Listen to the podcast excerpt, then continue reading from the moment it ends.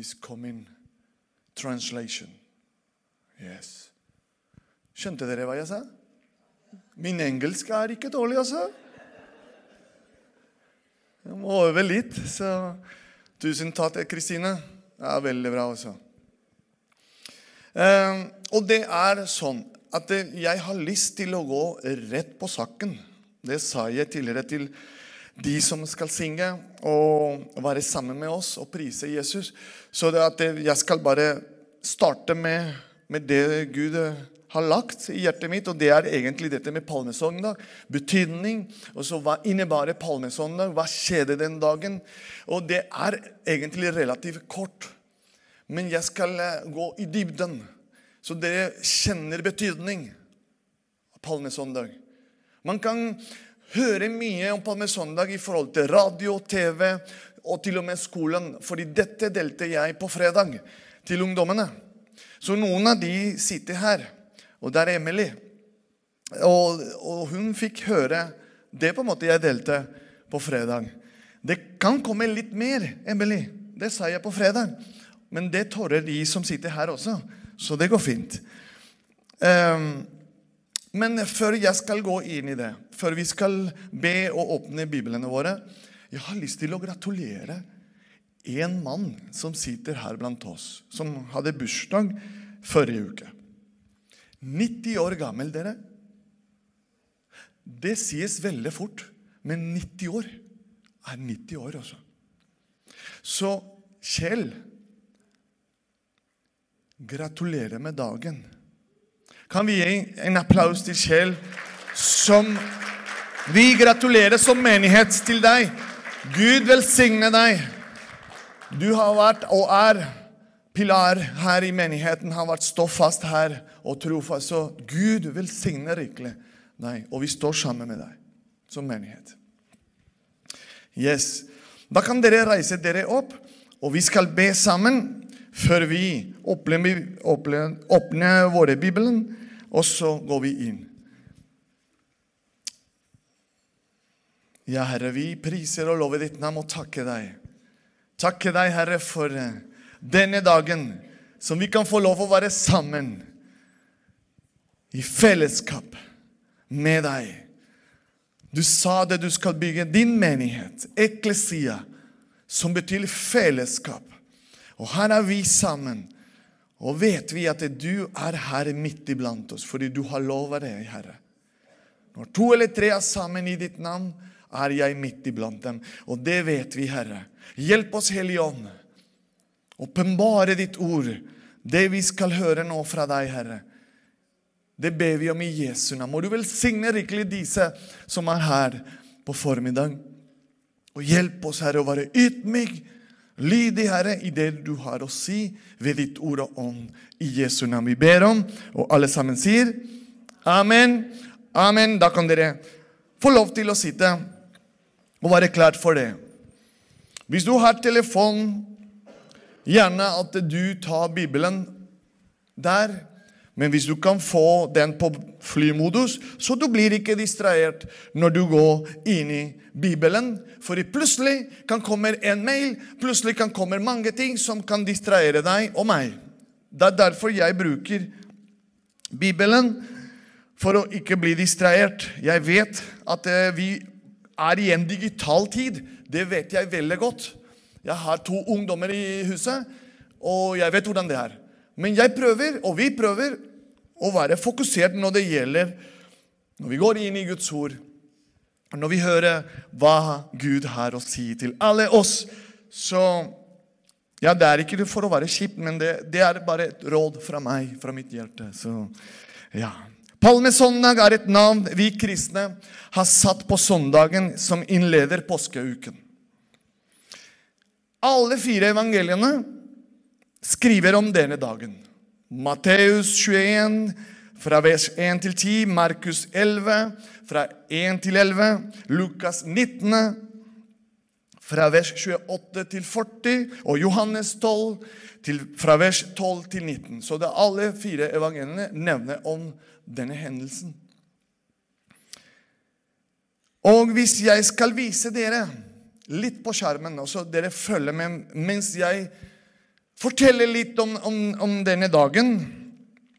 Matteus 21, jo. vers 8 og 9, kan vi lese at folkemengden ropte da han kom. Hosiana, Davids sønn, velsigne er han som kommer i Herrens navn. Hosiana i det høyeste.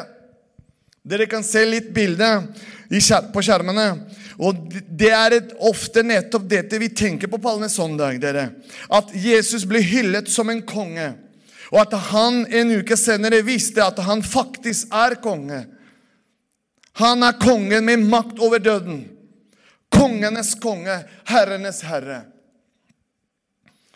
I Lukas kapittel 19, vers 37, dere ser at han kommer inn og blir hyllet. Osiana, Osiana. Men i Lukas 19, 37, dere presiserer at det var disippelflokken som i sin glede priste Gud høylytt for alle de mektige gjerningene de hadde sett.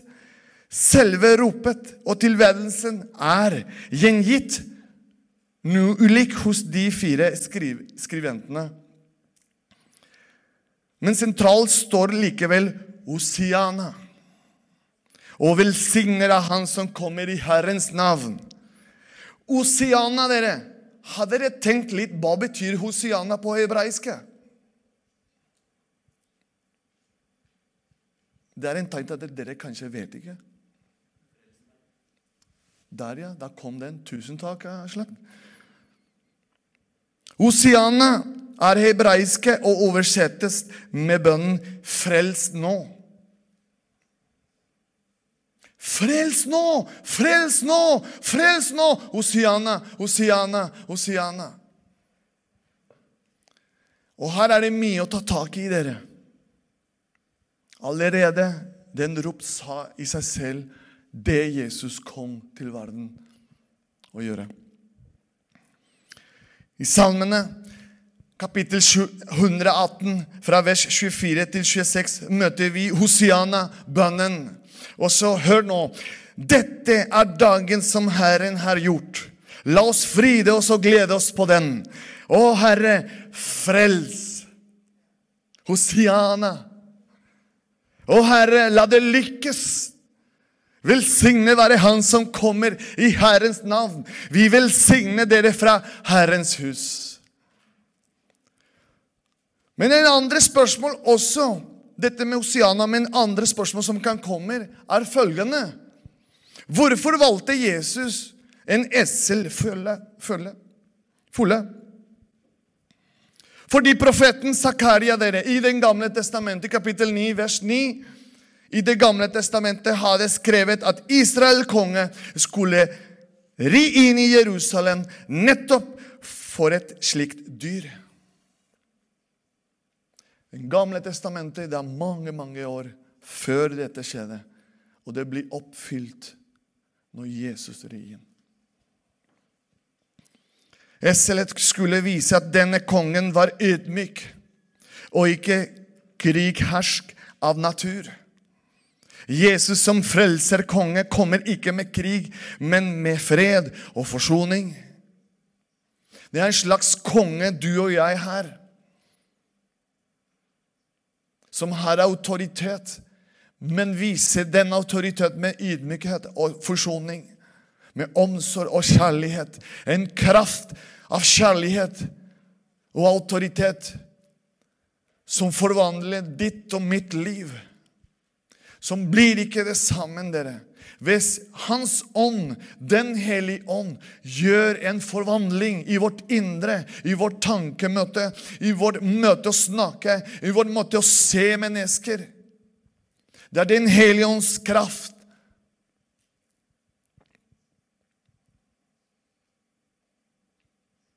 Jesus som frelser kommer, kommer ikke med krig, men med fred og forsoning. Men tenker vi på den surrealistiske og veldig spesielle situasjonen Jesus var i da dette skjedde, dere. Dere så litt av bildet. Han rir inn, og alle hyller. Men tenk du at Jesus visste allerede Noen dager senere, hva skulle ha skjedd med ham?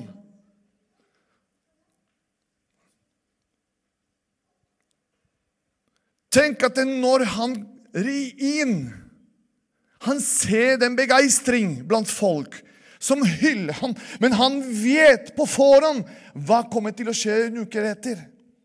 At det er de samme mennesker som hylte, skulle hylle noe annet. Egentlig helt motsatt. Men vi skal gå inn i det om et øyeblikk. Det er en veldig spesiell situasjonen Jesus var i da dette skjedde på palmesøndag. For samtidig som Jesus ble hyllet på sin inntog til Jerusalem, så hadde han den forstående uke, uken i tankene. Tenk den blanding av følelser som Jesus, som var 100% mennesker, hadde. Men han fikk palmegrener og kapper lagt foran seg. Folket ropte Osiana, frels nå.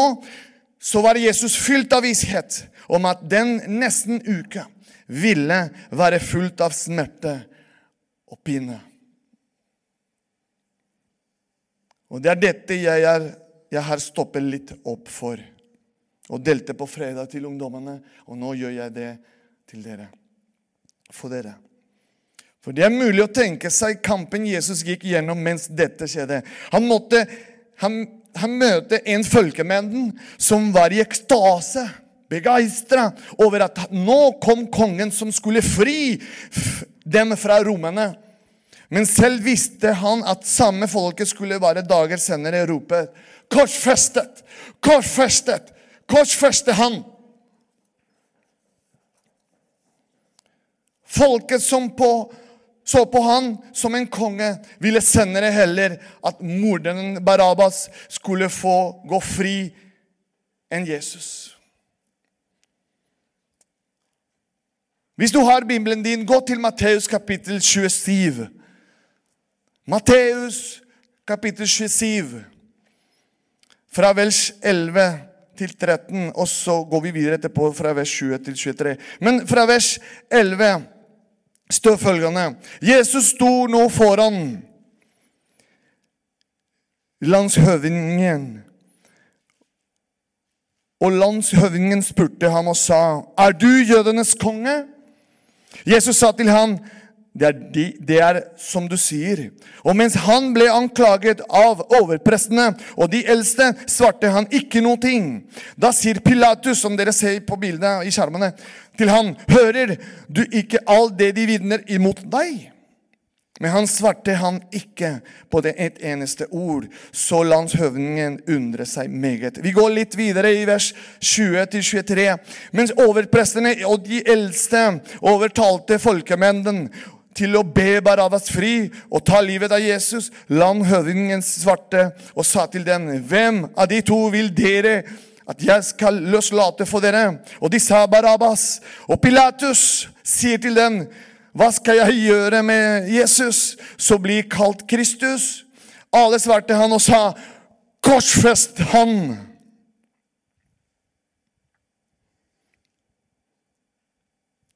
De spurte hva skal jeg gjøre med Jesus. Pilatus sa det. Og de samme folk som uker før hylte, de står der sammen og ropte 'Korsfest ham'. Og der står Barabbas. Og det er et bilde, dere, av den plassen Jesus tok, det er egentlig den plassen du og jeg skulle vært. Men Jesus, i den overnaturlige kjærlighet som bare gjennom Han og Hans ånd og ord kan vi få, gjorde det. Han står stille, fullt av smerte, for han visste hva han skulle gjøre gjøre for deg og for meg. Av og til tenker jeg det er utrolig at Jesus kunne holde ut med så mange folk som vendte ham ryggen. Først disiplene hans, som var sammen med han tre år. Og nå folkemengden som hadde hyllet han bare noen få dager siden. Eh, I forveien. Jeg tenker at Det hadde vært veldig forståelig hvis Jesus hadde ropt ut for en håpløs gjeng de var, og vendt den ryggen tilbake. Men han gjorde ikke det.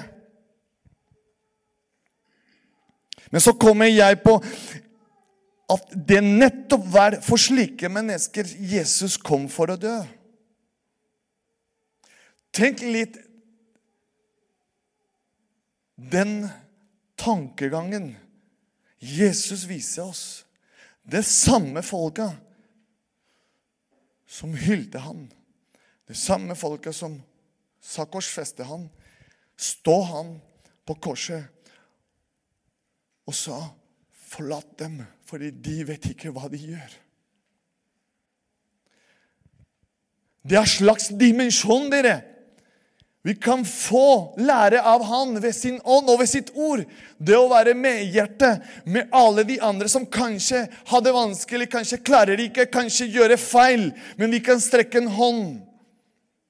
Fordi det er en eksempel som vi ser når all dette med påskeuken starter. Vi ser dette her, hva Jesus gjorde.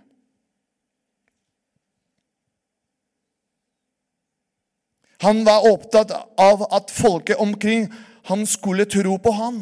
Johannes 11, 42. Det var derfor Jesus kunne be for de som korsfeste han, da han vendte seg til Gud og sa, 'Far, Abba, far, forlatt dem, for de vet ikke hva de gjør.' Det står i Lukas 23, 34. Folkemennene vinglet, akkurat som vi kan vingle. Heldigvis vingler aldri Jesus. Og Det var nettopp for sånne som oss han kom til jorda for å dø på korset. Fordi han visste vi skulle gå gjennom tvil og vanskeligheter.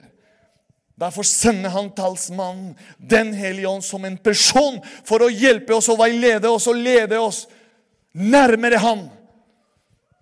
I vårt egen styrke, dere. Vi klarer det ikke. Men hvis vi lar Den hellige ånd lede oss nærmere til Jesus, det gjør han også.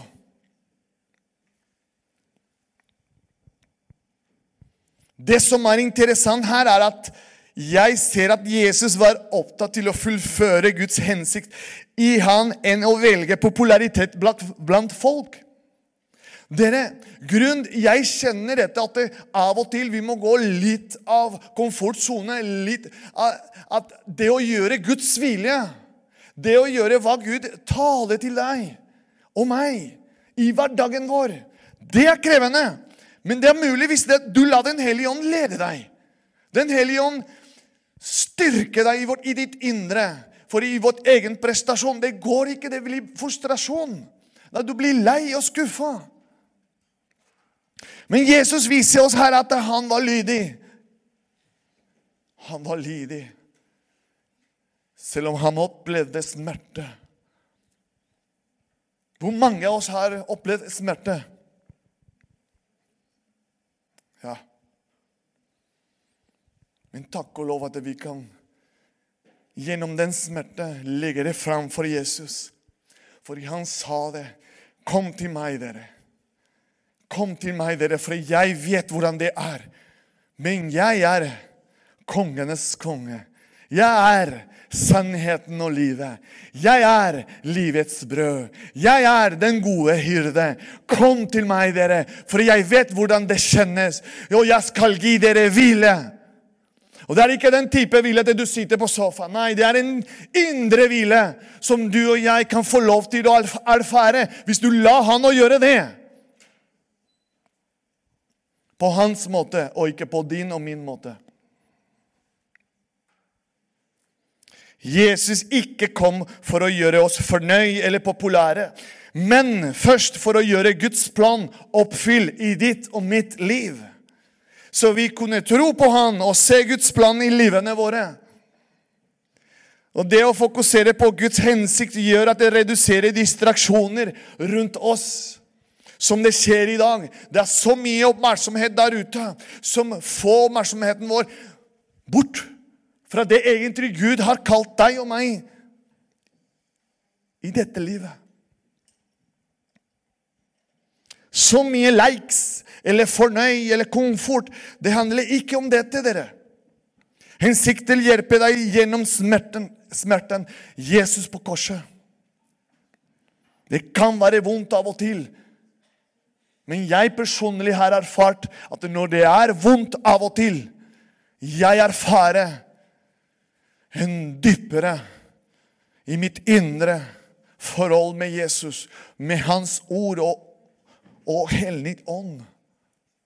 Fordi han rører og rydder litt og renser litt de tingene som egentlig forstyrrer oss og distraherer oss, dere. Så av og til kan det være ubehagelig, men det trenges for å nå det Gud har plan for deg og for meg. Hensikten gir deg mulighet til å ære Gud med ditt liv. Jesus gjorde det.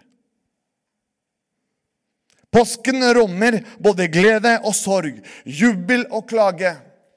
Palmesøndag står som en jubeldag.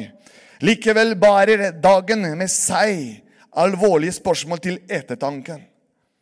Er Jesus konge i livet mitt? Er Jesus konge i livet ditt? Hvilke konsekvenser får det for meg at Jesus vil være konge i livet mitt? Av og til vi synger 'Jesus, du er kongen min'. Hva betyr egentlig det for hver enkelt av oss? Virkelig, dere. Og jeg stiller det spørsmålet for meg sjøl også. Virkelig, når jeg stiller Eller når jeg synger 'Jesus, du er kongen min'. 'Jesus, du fortjener alt'. 'Jesus, jeg gir deg alt'. Virkelig. Når vi gjør det, når vi synger det sammen, og Så kommer vi hjem og reflekterer litt det vi har hørt, og det vi har sang til han. Det er til ettertanke, dere. Deg være ære Når vi synger den sang Det er til ettertanke. Hyller jeg Jesus bare en gammel vane, eller følger hjertet mitt med i Hosiana-ropet? Er jeg en medgangssupporter som bare hyler Jesus når livet går bra? Eller vil jeg også følge Jesus og bøye kne for han når det ikke blir så populær å kalle seg en Jesu etterfølger, disippel? Det er det som er Jeg klarer ikke å finne et norsk ord ubeskrivelig at vi kan komme hit som fellesskap. At du har det vondt, at du har det veldig godt. Men vi sammen kan prise det samme Gud, som vet hvilke omstendigheter du står i. Og at vi kan stå sammen her. Og jeg kan se at det, min sønn David gråter. Og jeg kjenner at jeg skal være sammen med han og gråte sammen med han fordi vi er ett i han. At jeg kan gå her til Tira, og hun er kjempeglad fordi det skjer så mye i livet hennes og i ekteskapet hennes, og jeg kan glede meg sammen med henne. For en dimensjon vi er en del av. Dere. Og all dette kan oppfylles på grunn av det Jesus gjorde.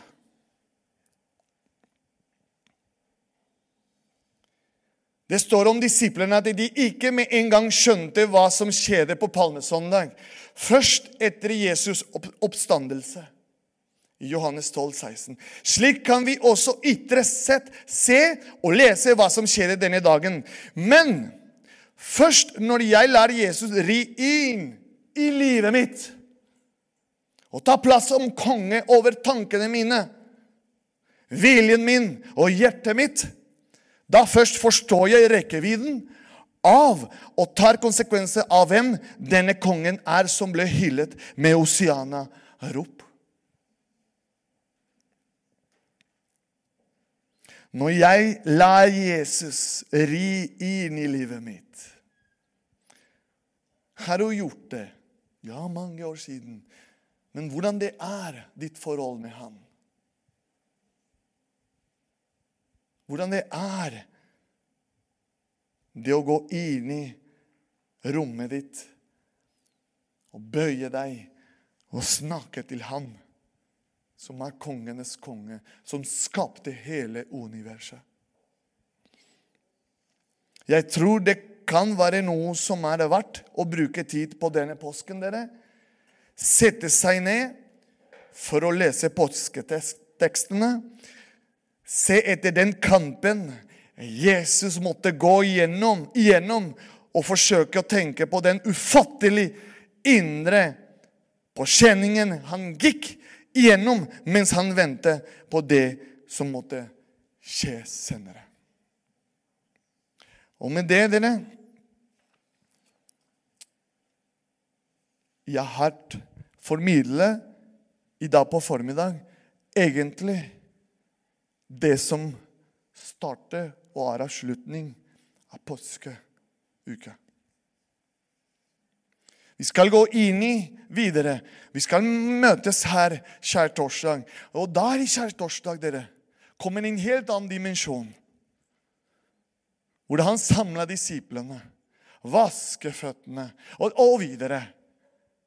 Tenk at vi kan få lov til å være en del av det han gjorde for deg og for meg. Tenk at det pga. Hans nåde jeg kan få lov til å være her sammen med dere. Ikke bare for å tale, men i hverdagen min. Jeg kan ha en relasjon med dere. Fordi det er noe, det er Han som er felles i oss, som gjør at vi kan gå videre i livene våre.